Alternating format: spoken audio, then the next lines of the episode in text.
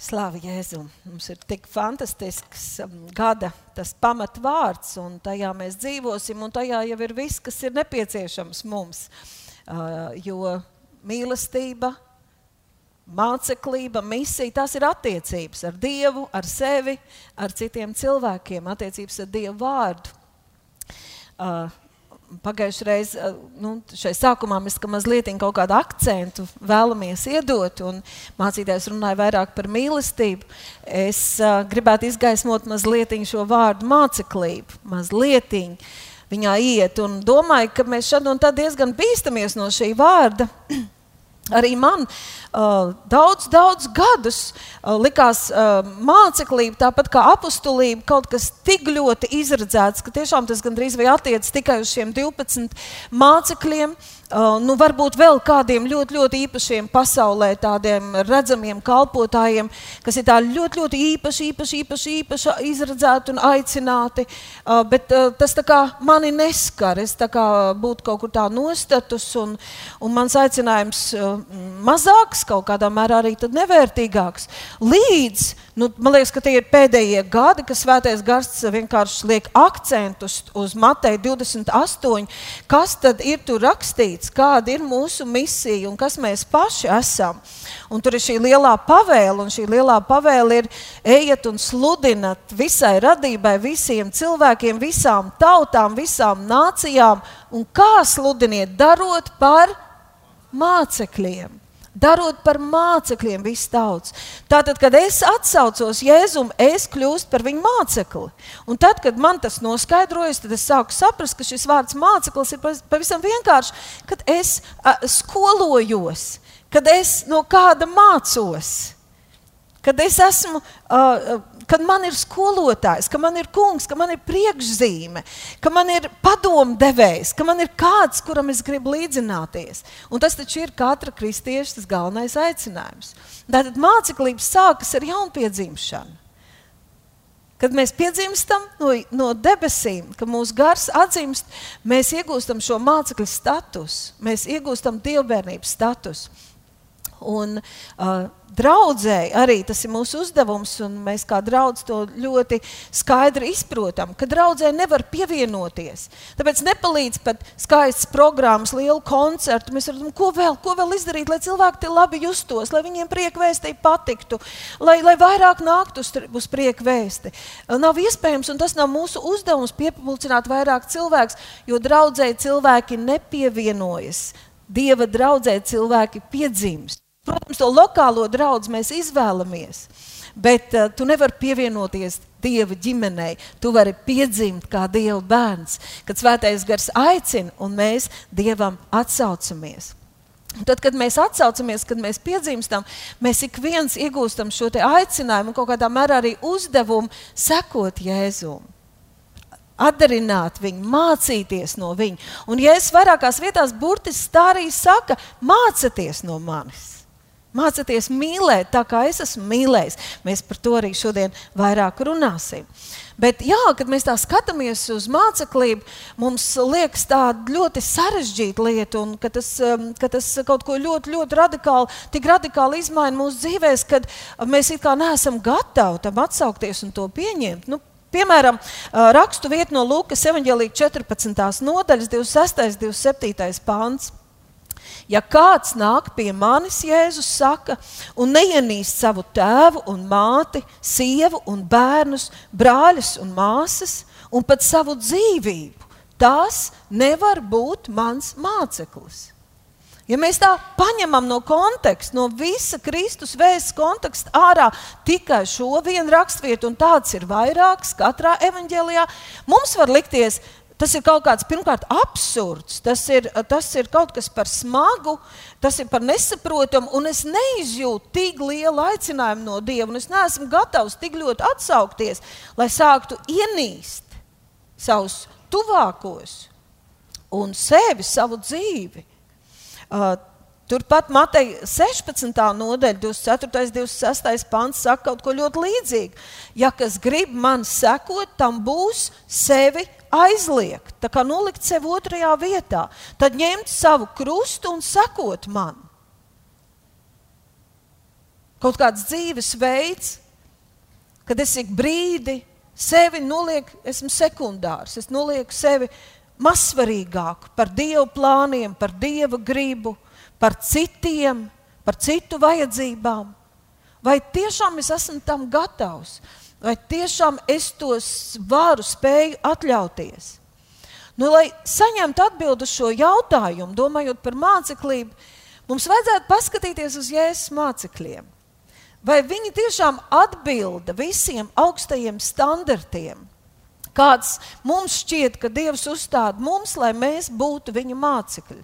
Vai viņi atbild tai smalkajai klasifikācijai, ka viņi bija tādi pilnīgi, nekļūdīgi, simtprocentīgi nodevušies, visu, visu tiešām atstājuši. Kā tad viņi bija? Kad mēs skatāmies, Jēzus viņus aicināja, viņi bija ļoti dažādi. Mēs pat varētu lietot, iepazīstot viņus vairāk, varētu lietot vārdu, viņi bija savādi. Vai šodien saka, interesanti.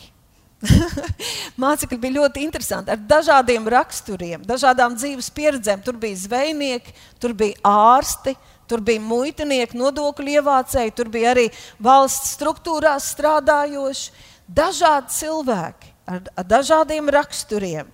Viņi, ja mēs skatāmies tā viņu ikdienu, viņu sadzīvi, viņi regulāri strīdējās, ķīvējās, rīvējās, sacentās, šaubījās. Tur bija tāds karstasinīgs Pēters, Tur bija, man gribas pat teikt, ka viņš no malas izskatās diezgan iedomīgs, ar augstu pašapziņu māceklis Jānis. Tur bija Toms, kurš gribēja vienmēr iebāzt savu pirkstu pa priekšu, pārbaudīt, redzēt un tad ticēt.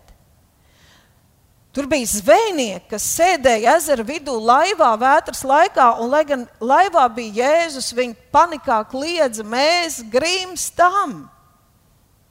Tur bija mācekļi, kur ciems viņus neuzņēma, neuzņēma evaņģēlīgi, gribēja visu to ciemu ar visiem cilvēkiem iznīcināt, lai krīt uguns, ja viņi nepieņem mūsu vēsti.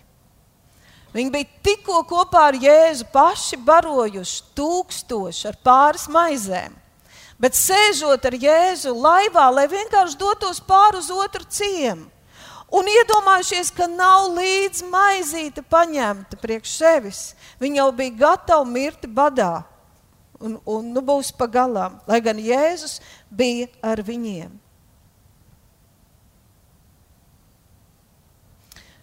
Kad viņi baudīja pēdējo vakarēdienu, es domāju, tur bija īpaša atmosfēra. Un Jēzus jau bija sācis runāt par savu nāvi, par ciešanām. Un viņi bija izdarījuši daudz un piedzīvojuši brīnumus, lai atrastu telpu, lai atrastu ēzeli īsto, lai viss tur notiktu. Un nu notiek šis vakarēdiens, un Jēzus tur runā, ka kāds viņu nodos, un ka viņš ir ļoti ilgojies šo pēdējo vakarēdienu ēst, ka pēc tam tas būs tikai tad, jau, kad viņš būs miris un augšām cēlies debesīs. Mācekļi sāk savā starpā strīdēties, kurš no viņiem ir lielāks un svarīgāks. Un kaut kur tur vēl pa vidu Jāņa un, manuprāt, Jēkaba vai Andreja mamma, Cebedēja mamma, man liekas, dēlu sūtīta, iet izsist vietu, tad, kad Jēzus valdīs saviem dēliem, lai viens sēž pa labo, otrs pa kreiso roku, lai viņiem labāks krēsls valdībā. Padomājiet, ķedzemāns dārzā jo viss tā ciešana atmosfēra ir par Jēzu. Viņš saka, man ir bailes. Es ciešu liels, liels pārdzīvojums, mokas vēl pirms viņš karājas pie krusta. Viņš atstāja daļu mācekļus tālāk. Viņš paņem īpašus, īpašus trīs izredzētos. Aizved sev vēl līdzi, viņš viņiem stāsta, kā viņš jūtas. Un tad viņš viņus atstāja un teica, ka pavisam netālu viņš vēl tikai nedaudz tālāk paiet, un viņš izmisumā krīt tuliņ zemē. Un skaļi ar asarām, ar skaļu balsi rakstīts, viņš sauc uz Dievu. Un ko dara viņa trīs mācekļi? No bēdām, no skumjām aizmieg. Un Jēzus nāk atpakaļ Un viņš uzceļ viņu augšā. Viņš saka, Pēter, vai tad vienu stundu vismaz tu nevari būt ar mani? Un viņš lūdz viņiem, nu, ja ne par mani, tad lūdziet par sevi, lai jūs neiekrītat kārdināšanā. Jo arī jums priekšā stāv nopietnas laiks, un viņš aiziet vēl. Jūs zināt, cik reizes tas trīs reizes. Trīs reizes, ja es iet, nāk atpakaļ, un viņi atkal guļ. Un tomēr viņi ir Jēzus īpašie, mīļie, izredzētie mācekļi. Un tas lielais karstasinīgais Pēters, tas dedzīgais Pēters, vēl piedzīvo arī to, ka, lai gan pie vakarēdiena, viņš tā ar tādu mīlestību saka, kaut visi tevi nodotu. Es nemūžām. Tur mēs zinām, viņš vēl nav piedzīvojis svētgara kristību. Viņš vēl nezina, ko nozīmē ritīgi, par ritīgam nomirt sev. Viņš vēl balstās uz tām savām spējām, uz savu dedzību, uz savu raksturu un viņš piedzīvo milzīgas bailes. Milzīgi kaut kāda garīgā, demoniskā pasaule atveras. Viņš pats nezina, kas notiek ar viņu spēku un stiprumu. Un viņš atkal trīs reizes noliedz, ka viņš būtu Jēzus māceklis, ka viņš viņu pazītu. Un, ja es ejot garām, paskatās, lai gan viņš to arī pirms tam jau vakarēdienas laikā saka, es jau par tevi esmu lūdzis, lai tava ticība nemitētos. Tad, kad tu neuzvedīsies kā māceklis, ka tev galīgi neizdosies būt kā tam izcilajam māceklim, kā tu redzi sevi iekšēji, kādam ir jābūt māceklim, es jau par tevi esmu lūdzis, lai tu celtos un lai tava ticība nemitētos. Nu, kad mēs skatāmies uz šiem mācekļiem, vai mēs nevaram rast šeit mierinājumu, vai nevaram rast šeit iedrošinājumu? ka nemaz nav tik traki. ka Jēzus vienalga viņus mīlēja un ka viņa ir, viņa, viņa ir viņa mācekļi. Un ka es esmu Kristus māceklis. Daudz īpašākā statusā, daudz labākā stāvoklī, jo svētais gars ir manī. Un es un tu, mēs esam Kristus mācekļi. Jo Kristum nevajag pilnīgos. Viņš dara mūs pilnīgus un svētus. Kristus nemeklē pilnīgos, viņš mūs tādus padara ar savu upuri, ar savu mīlestības, pacietības darbu pie mums. Tas ir viņa darbs mūsu dzīvēm. Ir kaut kas, kas mācekļus tiešām kvalificēja par mācekļiem. Ir kaut kas, ar ko viņi atšķīrās no visiem pārējiem. Un jau pašā sākumā man gribētos uzdot šo jautājumu, ko Jēzus beigās uzdod Pēterim, pavisam skaļi un trīs reizes. Un tas ir patiesībā tas, ko viņš meklē mācekļos. Un ko mācekļi šo pārbaudījumu, man gribas teikt, vienmēr iztur. Arī tad, kad pakrīt, arī tad, kad nodod, viņi ceļas un pārbaudījumu iztur. Un šis jautājums, ko Jēzus uzdod, ir, vai tu mani mīli? Vai tu mani mīli.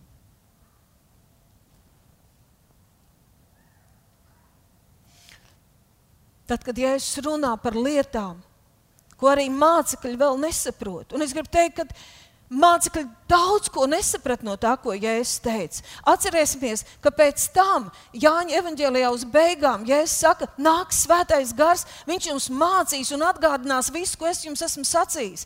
Mācekļi nesaprata, ka Jēzus runāja par savu nāvi. Viņi vēl joprojām kaut kur cerēja, ka Jēzus tūliņ, tūliņ kļūs par ebreju mesiju, ka viņš valdīs, ka tauta taču redz šo svaidījumu, ka tas ir tas glābējs, tas mesijah, par ko ir pravietots, ko ebreji ebreju tauta gaida. Un visas zīmes, visi Kristus darbi aizvien vairāk apliecina to, ka viņš ir Mesija.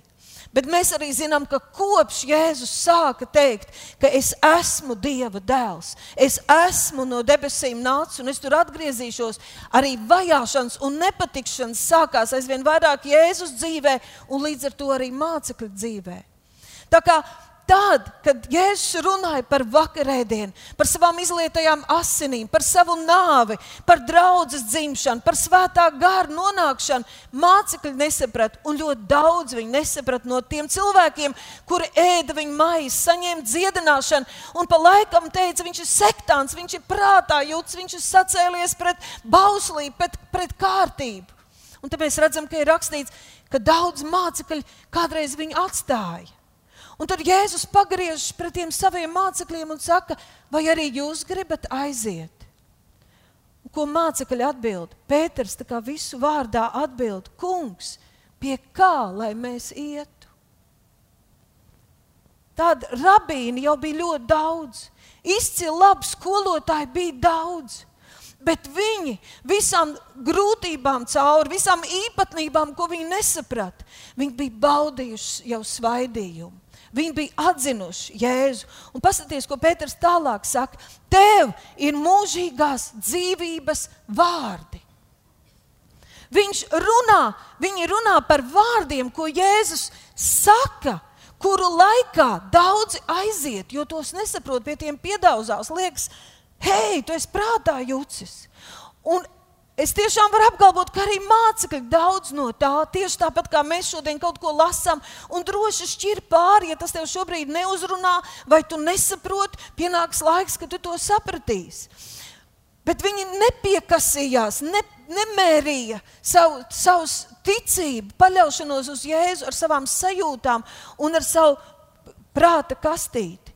Viņi teica, tas, ko tu runā, mēs jūtam, Mēs zinām, tie ir dzīvības vārdi. Tev ir tādi vārdi, kāda nav nevienam. Tev ir mūžīgās dzīvības vārdi. Un kaut visu mēs nesaprotam, mums ir privilēģija tev sekot, un tevi dzirdēt, un šo maizi ēst.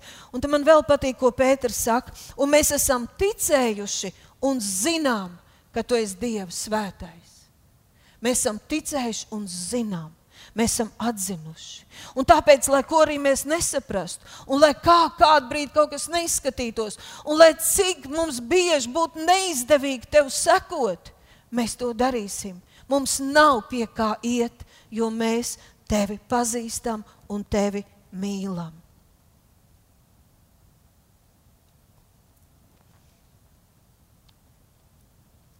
Viņi atbild kvalifikācijai, kas turpat Lūkas evanģēlī 14. nodaļā turpinās, ko sākumā lasīja šī prasība pret mācekli. Ja tu neatstāji visu, ja tu neienīsti visu, uh, tu nevari būt mans māceklis. Un tepat tālāk Lūkas 14. nodaļa no 28. panta, uh, kas te ir teikts, ko te tas nozīmē būt māceklim. Jo kurš būtu jūsu starpā? Kas gribētu celt torni un pa priekšu neapsēstos, lai aprēķinātu izdevumus, vai viņam pietiks līdzekļu darba izvešanai, lai vēlāk, kad viņš jau ir licis pamatus un nevar to pabeigt, visi, kas to redz, nesāktu zoboties par viņu sacīdami. Šis cilvēks iesāka gan celt ēku, bet nevarēja darbu izvest līdz galam. Vai arī kurš ķēniņš, kas grib iet karot pret otru ķēniņu, papriekš neapsēdēsies, lai apspriestos, vai viņš ar saviem desmit tūkstošiem varēs stāties pretī tam, kas nāk ar divdesmit tūkstošiem. Kā to var izspriest? Kad cilvēks piedzīvo Jēzu, tad garīgā atmosfēra apkārt un viens otrs draugs saka, tu esi uzņēmies nepanesam nastu. Tu esi iedevis Dievam roku, bet Viņš tev prasīs, tu nedrīkst to, tu nedrīkst to, tu nedrīkst to, tev ir jādara tas, tev ir jādara tas. Es maz nezinu visu, ko Dievs no maniem var prasīt, vai es to spēšu. Kā es varu izdomāt, pēc kā es varu secināt, ka es uzcelšu, ka man pietiks līdzekļu, ka es ar saviem desmit tūkstošiem spēšu uzvarēt 20 tūkstošus. Un pasties 3.3. pāns paskaidro, kas tad māceklim ir jāizlēmj. Pirms viņš saka jā, pirms viņš saka jā savām dziļām, personīgām, ciešām attiecībām ar Kristu. Gluži tāpat neviens no jums, kas neatsakās no visa, kas viņam pieder, nevar būt mans māceklis. Lūk, kas ir jāizdomā. Lūk, kas jāsaprot. Vai es gribu pats dzīvot savu dzīvi, vai gribu, lai man ir kungs, kuram es tiešām uzticos, kurš vēl man tikai labu, kurš ir ieinteresēts manā dzīvēm? Kurš tiešām grib man svētīt un lietot. Un ja arī kādreiz manā dzīvē būs kaut kas grūts, un, es, un noteikti es saskaršos ar grūtībām un pārbaudījumiem, uzvarēt to kopā ar Kristu, man tas sagādās tikai baudu, un tas dos spēku, lai arī šī dzīve nebūs vienkārša. Vai es esmu gatavs Kristu turēt augstāk un dārgāk par visu? Jo, ja mēs skatāmies uz mācekļiem, nav jau tā, ka viņiem nebija nekā. Mācekļi turpat vēlāk saka, redzi, mēs visi esam atstājuši tevis dēļ un tev sekojuši. Bet tā nav. Pēterim ir māja, tur šad un tad notiek sapulces. Viņiem ir sievas, bērni lielākajai daļai. Viņiem ir viņu dzīves. Taču jā, līdz ar Kristus aicinājumu viņu dzīvēs, tur daudz kas izmainījās. Viņiem bija savu biznesu, savu plānu, savus iecerus kopā ar saviem tuviniekiem. Vecāki bija kaut kam viņus audzinājuši, virzījuši. Ar sievām tur bija kaut kas runāts, domāts, tur bija kaut kāds iestrādes, sagatavs mērķi. Un tad atnāca aicinājums. Aicinājums, ka viņi labprātīgi izvēlējās atsaukties. Viņi vēlējās kļūt par Kristus mācekļiem. Un tas izmainīja viņu dzīves mūsu draudzē pilnu laiku kalpojošie mācekļi, kas strādā šeit jau daudz, daudz gadus un nesen ir atsaukušies. Arī viņu dzīvē šis aicinājums ir daudz ko izmainījis. Viņi varbūt strādāt kaut kādās ienesīgākās darba vietās, pelnīt labāk. Kādi varbūt esot pie Dieva, ir attīstījuši ļoti daudz savu dāvanu, un tagad kaut kur viņus sauc. Hei, mēs tev maksāsim divreiz vairāk, nāc, atdod mums savus spējas, atdod manam biznesam. Es pelnīšu caur tevi un tu arī. Un daudz aicinājumu un kārdinājumu, ar ko mēs varētu saskarties. Bet Kristus ir aicinājis savā darba laukā. Tu, kad devi Jēzum savu dzīvi, kaut kas izmainījās, vai ne? Tavā dzīvē ienāca Jēzus glābējs. Un dzīve iegūta sakārtotību, mērķus, prioritātes, mieru, skaidrību. Jā, viņi atnes daudz sakustēšanos ar draugiem, radiem, kas nesaprot tāpat kā mācekļiem, tāpat kā sieviešu dievkalpojumā līga sludināja par Mariju. Tie tuvākie nesaprata, kas notiek, ko tu dari kādu laiku. Uz dzīvē ienāk Jēzus. Pēters saka, redz, mēs visi esam atstājuši un tev sekojuši. Viņi baudīja savu laiku ar Kristu. Un vēl vairāk, tad, kad svētais gars nonāca par viņiem, kad Jēzus jau bija prom, bet viņi baudīja Jēzus klātbūtni brīdi savā dzīvēm un kalpošanās. Un padomāsim, kad mācekļiem nebija ne jausmas tajā brīdī, ka mēs šodien vēl runāsim par viņiem. Un ka viss viņa dzīve ir, viss viņa paklausība, viņa nodošanās, viņa risks būs ierakstīts Bībelē un visā pasaulē mācīsies no viņu attiecībām ar kungu Jēzu. Un Jēzus, lai kā arī mācekļiem nebūtu gājis, Lūkas 22. nodaļā, 28. pantā mācekļiem saka, bet jūs esat tie, kas esat pastāvējuši pie manis, manās grūtībās. Cits tulkojums saka, jūs esat izgājuši kopā ar mani visus pārbaudījumus un visas grūtības. Mēs varētu analizēt, kā. Vai viņi bija perfekti, vai viņiem tas pilnīgi izdevās? Noteikti nē, bet viņi mīlēja Jēzu.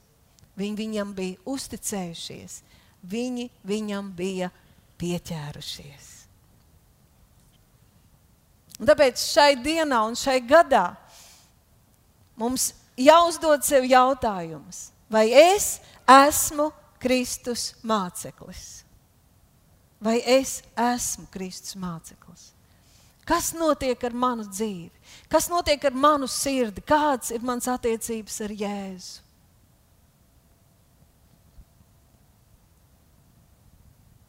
Vēlns noteikti rūpējas ļoti, lai uzbruktu tieši mūsu attiecībām ar Kristu.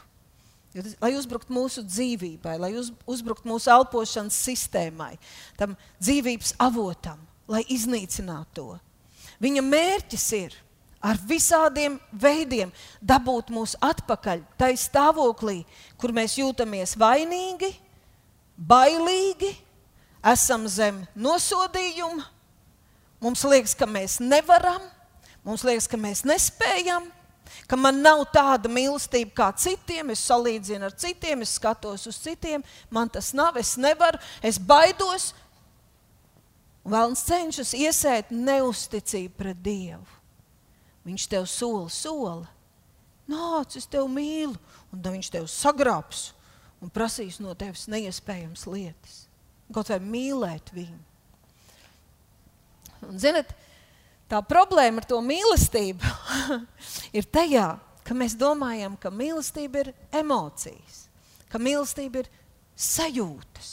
Un tagad mēs iebāžam savu mīlestības termometrīti padusē un gribam izmērīt, cik tad es mīlu Jēzu. Vai es tiešām mīlu Jēzu, cik Jēzus mīl mani.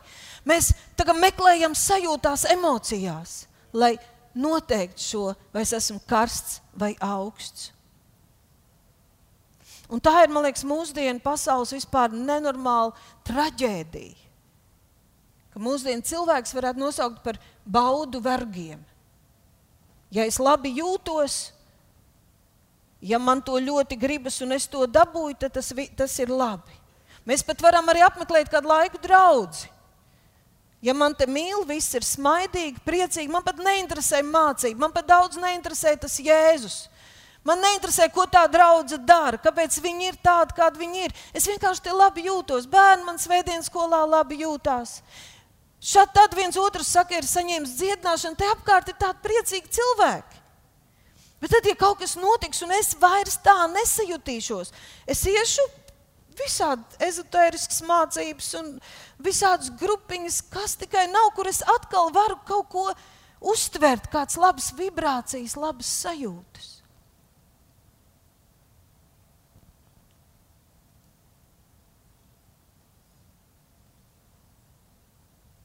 Es pateicos Dievam, ka Dievs cilvēku ir radījis, un es ticu, ka puišiem un meitenēm arī mūsu dienās vēl joprojām, lai kā vēlns nebūrētu visādus melus, ir šīs ilgas pēc tīrības, pēc vienīgā, mīļā, uzticamā dzīves drauga.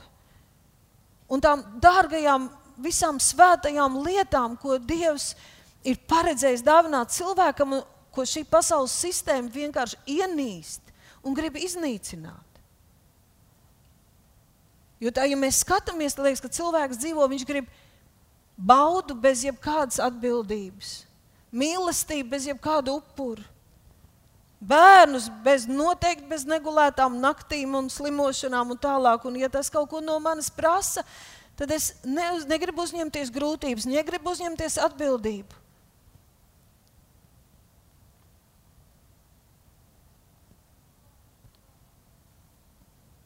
Sajūtas sajūtas, tās ir tikai sajūtas, tās ir tikai emocijas. Un kaut kur, ja mēs tā patestētu sevi, tad mums tā liekas, ka uh, Dievam ir jāstrādā uz manām sajūtām, uz manām emocijām. Man ir jādabū motivācija savām sajūtām un emocijām, jo tad es arī spēšu rīkoties pareizi un uzvesties pareizi. Mācītājiem tas vārds ir jāiedod tik interesants, tik emocionāls, tik aizraujošs, tik smieklīgs, tik spēcīgs, lai tas tik ļoti aizskar mani, uzrunā, atver, iedarbina manu iztēli. Jo tad es tagad tādu bateriju uz brīdi uzlādēta, kādu brīdi arī būšu laipns, mīļš, un tas Kristus raksturs. kaut kādu brīdi man būs spēks. Un tāpēc es tā kā nāku atkal, varbūt mājas grupa man palīdzēs, varbūt uh, draugs, varbūt palasīšu kādu labu grāmatu. Es tā kā uz mirkli uzlādēju, bet ko tad es uzlādēju? Dvēselē to, to plānāko slānītās emocijas sajūtas. Bet mēs zinām, ka Dievs pavēl mīlēt. Viņš saka, jaunu bausli es jums dodu, lai jūs mīlat viens otru tā, kā es esmu mīlējis.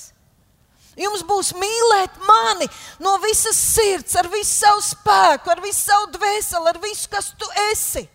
Un tad atklāsmes grāmatā viņš saka, man pret tevi ir tas, ka tu esi atstājis savu pirmo mīlestību. Atgriezies, iekarsies, dari pirmos mīlestības darbus. Ja nē, es tevi izspļaušu no savas mutes. Es teiktu, Dievs, tu neesi taisns. Ja tev ir šādas prasības, tad tev man tā tāda narkomāna ir jāpilda. Ik reiz, kad es vienkārši paskatos uz tevi, ik reiz, kad notiek slavēšana, man ir jāpilda, man ir jāatjauno tās emocijas, lai man būtu spēks tevi mīlēt. Bet mīlestība nav emocijas. Emocijas un sajūtas seko mīlestībai.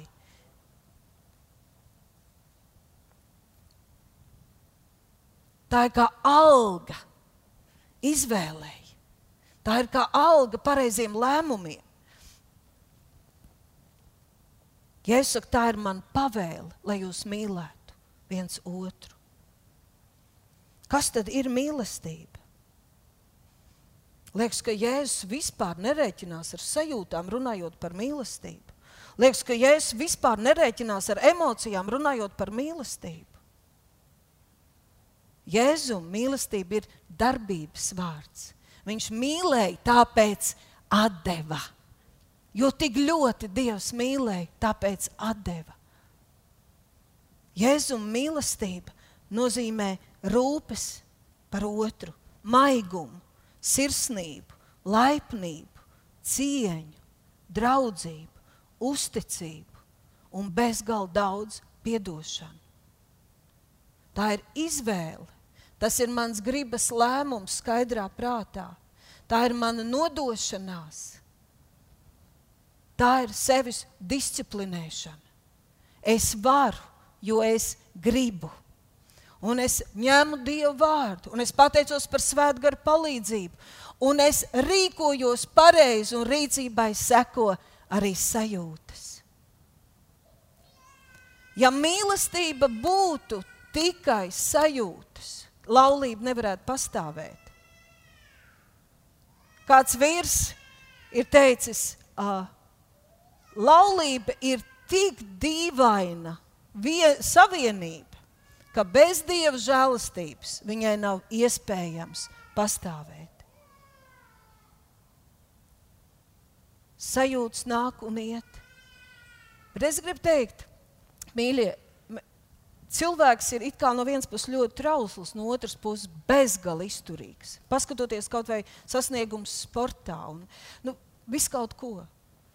Un cilvēki mūsdienās ir ļoti daudz ko spējīgi darīt, lai uzskačātu muskuļus lai dabūtu kaut kādu sapņu tēlu ķermeni.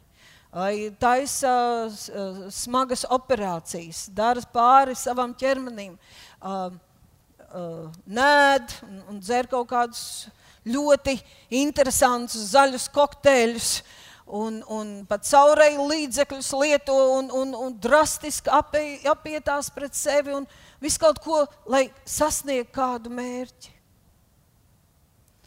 Un es gribu teikt, ka mēs varam būt, mēs varam sarūpēt sev bezgala daudz skaistu emociju, izdarot pareizas izvēles, rīkojoties pareizi. Rīkojoties mīlestībā, paskatieties, Mēs varētu teikt, Dievs tik ļoti mīlēja pasauli, ka Viņš deva savu dēlu par mums. Un ieliekam tur iekšā vārdu, Dievs tik ļoti rūpējās par cilvēkiem, ka deva savu dēlu par mums. Jānis saka, redzat, kā viņš jūs ir mīlējis, tad mīlēt arī viens otru. Un ieliekam kaut vai no mīlestības vienu darbības vārdu, šīs rūpes. Redzat, kā Dievs rūpējas par jums, tad arī rūpēties jūs viens par otru. Un tad, kad es izvēlos to darīt, kad es uz kaut ko koncentrējos, es dodu tam spēku un es to iegūstu. Vai jautājums ir, vai es gribu būt Kristus māceklis? Vai es gribu kļūt no vērotāja par mācekli? Vai es gribu būt aktīvs, vai es gribu būt atsaucīgs, vēl vairāk mīlēt Jēzu no visas sirds, mīlēt ar darbības vārdu, mīlēt ar atsaucību, ar pieķeršanos, ar uzticību, ar uzticēšanos viņam. Ja es to gribu, es varu. Jo es esmu savu, savas dzīves, savu izvēļu un savu sajūtu menedžers, vadītājs. Vadītājs sākas ar lēmumu, ar izvēli. Es gribu sasniegt to un to. Tu zini, ja tu gribi vairāk, man un tev tas ir iespējams. Tu gribi vairāk mīlēt, tu gribi ritīgi par ritīgam mīlēt, tev tas ir iespējams. Noliec malā sajūtas un sāc menedžēt sevi, sāc vadīt sevi. Uzskačā šos garīgos muskuļus.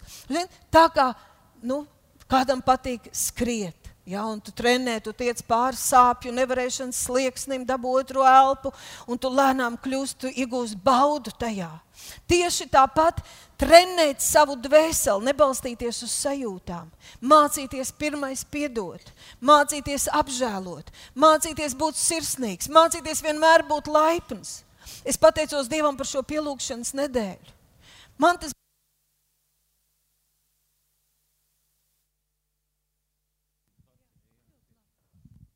vārds arī tūlīt iet uz beigām. Uh, es atkal tik spilgti piedzīvoju, ka, ja es nolieku sevi tur, kur darbojas Dieva gars, kā svētais gars rūpējas par mani. Ziniet, jā, ir, ir, ir darbi un laiki, un paiet arī visas sestdienas pārsvarā šeit, un kaut kur tāds nogurums.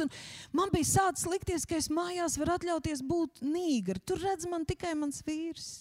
Es domāju, kaut ko viņš jautā. Ko es ar viņu daru? Ja?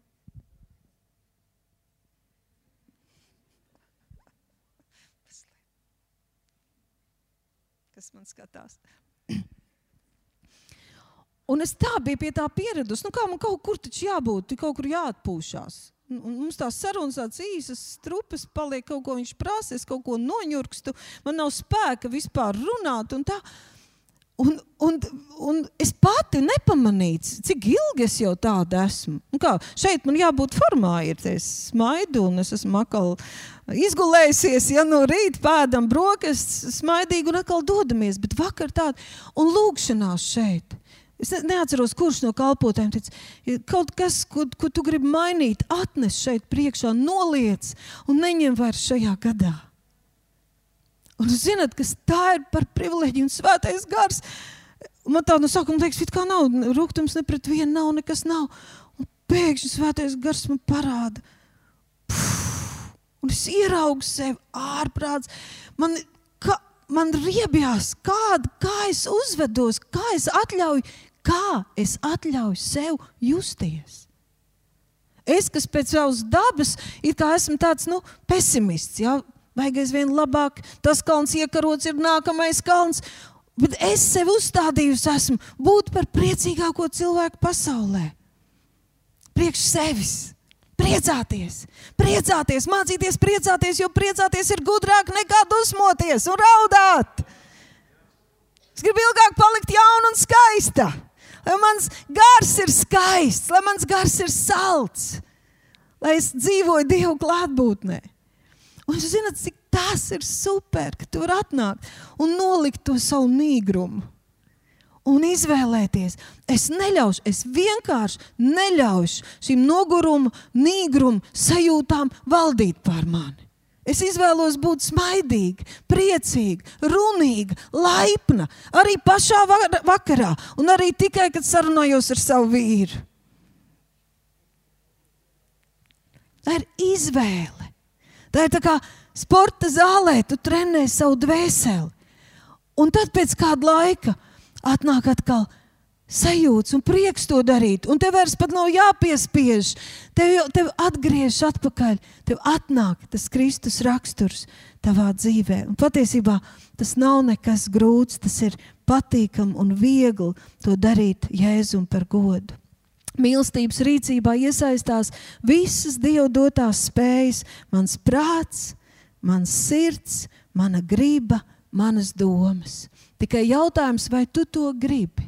Vai tu gribi pats vadīt savu dvēseli, savus sajūtas, savas domas uz turieni, ko tu esi izvēlējies un ko tu gribi, ko tu zini, ka tas priekš tevis ir labi? Jēzus Jāņa evanģēlijas 1. nodaļa, 12. pantā saka, es jums dodu varu būt par Dievu bērniem. Es jums dodu varu dzīvot kā Dieva bērniem. Es jums dodu varu domāt kā Dieva bērniem. Es jums dodu varu rīkoties kā Dieva bērniem. Un es jums dodu varu arī izjust sajūtas pareizās kā Dieva bērniem. Tā ir ticīgā vara, ka tu esi savas dzīves menedžers.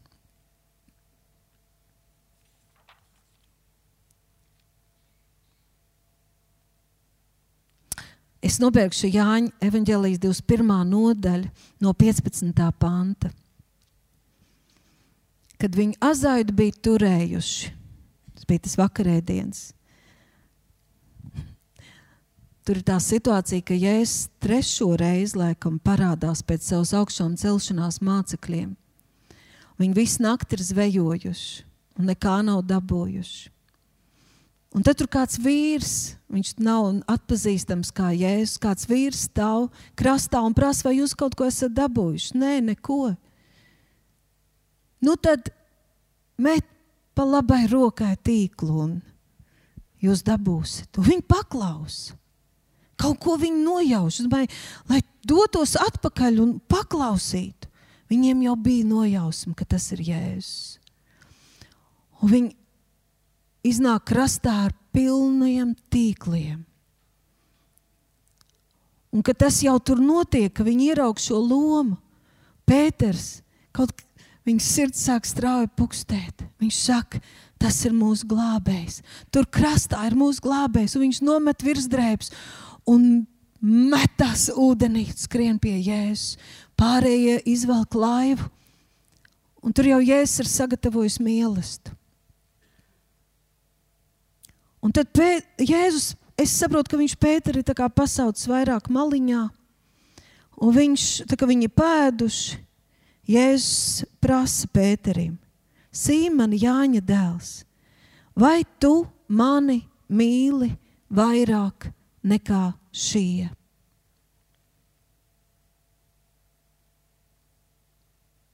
Šodien Jēzus tev prasa, vai tu mani mīli vairāk nekā šie. Es kādu laiku nevarēju saprast, kāpēc tik interesanti piebilst šim jautājumam, vai tu mīli vairāk nekā šie pārējie? Vai tu mani mīli vairāk nekā šie pārējie? Bet pēc tam, skatoties tālāk, Jēzus tur runā par Pēteru nāvi, par viņa dzīvi. Un Pēters tā kā prasa, kā ar Jāni? Vai Jānim nebūs tā jāmirst kā man? Un ja es viņam paskaidrošu šo domu, lai tev ir vienalga šī jautājumā, lai tev ir vienalga, kā ar viņu, ko ar viņu. Nē, es tas cilvēks, kas skatās, oh, viņš deg par mani mazāk, bet viņš taču no vienalga būs debesīs. Tad jau es mīlu pietiekoši. Nu, ja šitā var kristietis dzīvot, tad salīdzinoši ar viņu man vēl viss ir kārtībā. Tāpēc, ja es saku, šis jautājums, tas ir tavas personīgās attiecības. Kā tu esi atzīts, cik tev ir piedots, kā viņš tevi aicina, kādas tu veido attiecības ar savu glābēju, un tur nav ar ko salīdzināt. Tur ir vai tu mani mīli, Un tur mums katram vienam ir izaicinājums. Mīlēsim Jēzu vairāk nekā pārējie. Izvēlēsimies mīlēt Jēzu vairāk. Izvēlies mīlēt Jēzu vairāk nekā pārējie. Un ja tu to gribi, tu to vari. Tā ir vienkārši izvēle, un tā ir vienkārši, vienkārši praktiski solīši, lai tuvotos Jēzum, un lai sakārtot savus sajūtas un savu dvēseli. Vai tu mani mīli vairāk? Pēters saka, tiešām, kungs, tu zini, ka es tevi mīlu. Es gulēju, ka tu lūdz būt ar mani nomodā. Es tev nodevu, noliekdams tavu, tavu aicinājumu, kad es biju nobijies, lai gan tu gāji nāvē manā vietā. Zini, tu zini, ka es tevi mīlu. Un, ja es saku, tad gani manas avis. Ja es atkal prasu, Pēter, vai tu mani mīli? Pēter, vai tu mani mīli? Un es gribu, un ja es vārdais atraisu, lai šajā nedēļā tev no, nedod šis jautājums mieru no svētā gara, ka Jēzus tev prasa, Jāni, Pēteri, Uldi, Liene, vai tu mani mīli? Vai tu mani mīli? Viņš prasa otro reizi, un prasa trešo reizi. Viņš saka, un tad, tad gani manas avis. Jūs zināt, es šo raksturvietu tiešām vienmēr redzēju tā, ka tā ir tā kā. Nu, tā ir atbilstība. Ja tu mani mīli, tad tu drīksti rūpēties par avīm. Es tā mācītu kalpotājiem. Lūk, Dieva prasību. Tu drīksti kalpot cilvēkiem, tu drīkst sludināt, tu drīkst būt mācītājs, kalpotājs, ja tu mīli avis. Bet šai reizē Dievs to parādīja savādāk. Ja es saku tā, ja tu tiešām mani mīli, tad lūdzu, parūpējies par manām avīm. Un tā ir māceklība. Tā ir māceklība. Ja tu tiešām mani mīli, un ja tu gribi mīlēt mani vairāk nekā pārējie, lūdzu, parūpējies par manām avīm. Lūdzu, palīdzi maniem cilvēkiem. Viņi aizies uz pazušanu, uz mūžīgu atšķirību no Dieva. Lūdzu, parūpējies par cilvēkiem. Parūpējies par tiem, kas ir pieskārušies Dievam, bet tad pazuduši, aizgājuši pa burbuli. Vēlams viņš ir dabūjis atpakaļ, kaut kāds bailes, neskaidrība. Tāpēc, ka nav kas paskaidro, pastāst, stiprina, aizlūdz, apciemo, kamēr dabū uz kājām. Jo māceklība ir, kad gal, garīgi nobriedz kristietis, augļus nesošs, audzina atkal mācekļus. Un, saku, ja tu mani mīli, lūdzu, gani manas avis. Ja tu mani mīli, lūdzu, rūpējies par citiem cilvēkiem. Rezumē. Tad mīlēt nozīmē būt laimīgākajam cilvēkam zemes virsū kurš pats piedzīvojis Dieva mīlestību un viņa uguns šķīstīšanu no grēkiem, sāk izprast viņa personības dziļumu, apzinās viņa svētumu spēku un dievišķās mīlestības bezgalīgi aizraujošo plašumu, dziļumu un augstumu. Ka mēs, atbrīvot no savas dzīves, kas centrēta uz sevi pašu, varam būt par pasaules gaismu un zemes sāli, lai dzīvotu Kristumu, nesot mīlestības vēsti citiem cilvēkiem. Piecelsimies kājās. Mīļā, mīļā draudzene, mīļie mācekļi, mēs esam Kristus mācekļi. Ja mēs esam dzimuši no Jēzus, mēs esam viņa mācekļi. Un viņš mūs mīl.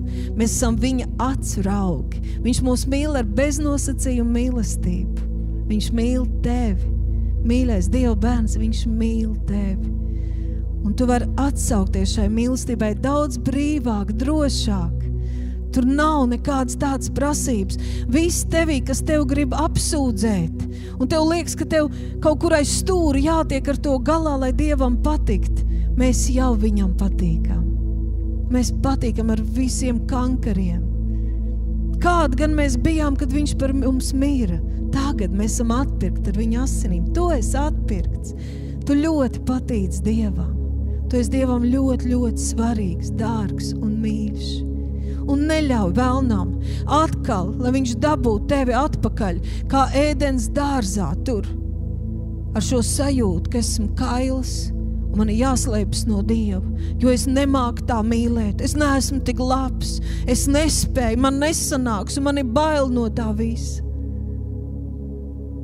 Tu jau esi, ja tu esi piedzimis, tu jau esi iesēdināts Dieva mīlestībā, attiecībās ar Viņu. Pilnīga mīlestība aizdzen bailes. Halleluja!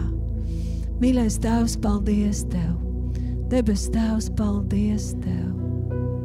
Paldies Tev, ka mēs esam atjaunotā ēdienas dārzā, Jēzu Kristu, ka tur nav šaubu, neusticēšanos, baiļu. Mēs esam pieņēmuši varu būt Dieva bērniem, pieņēmuši varu dzīvot kā Dieva bērni. Halleluja!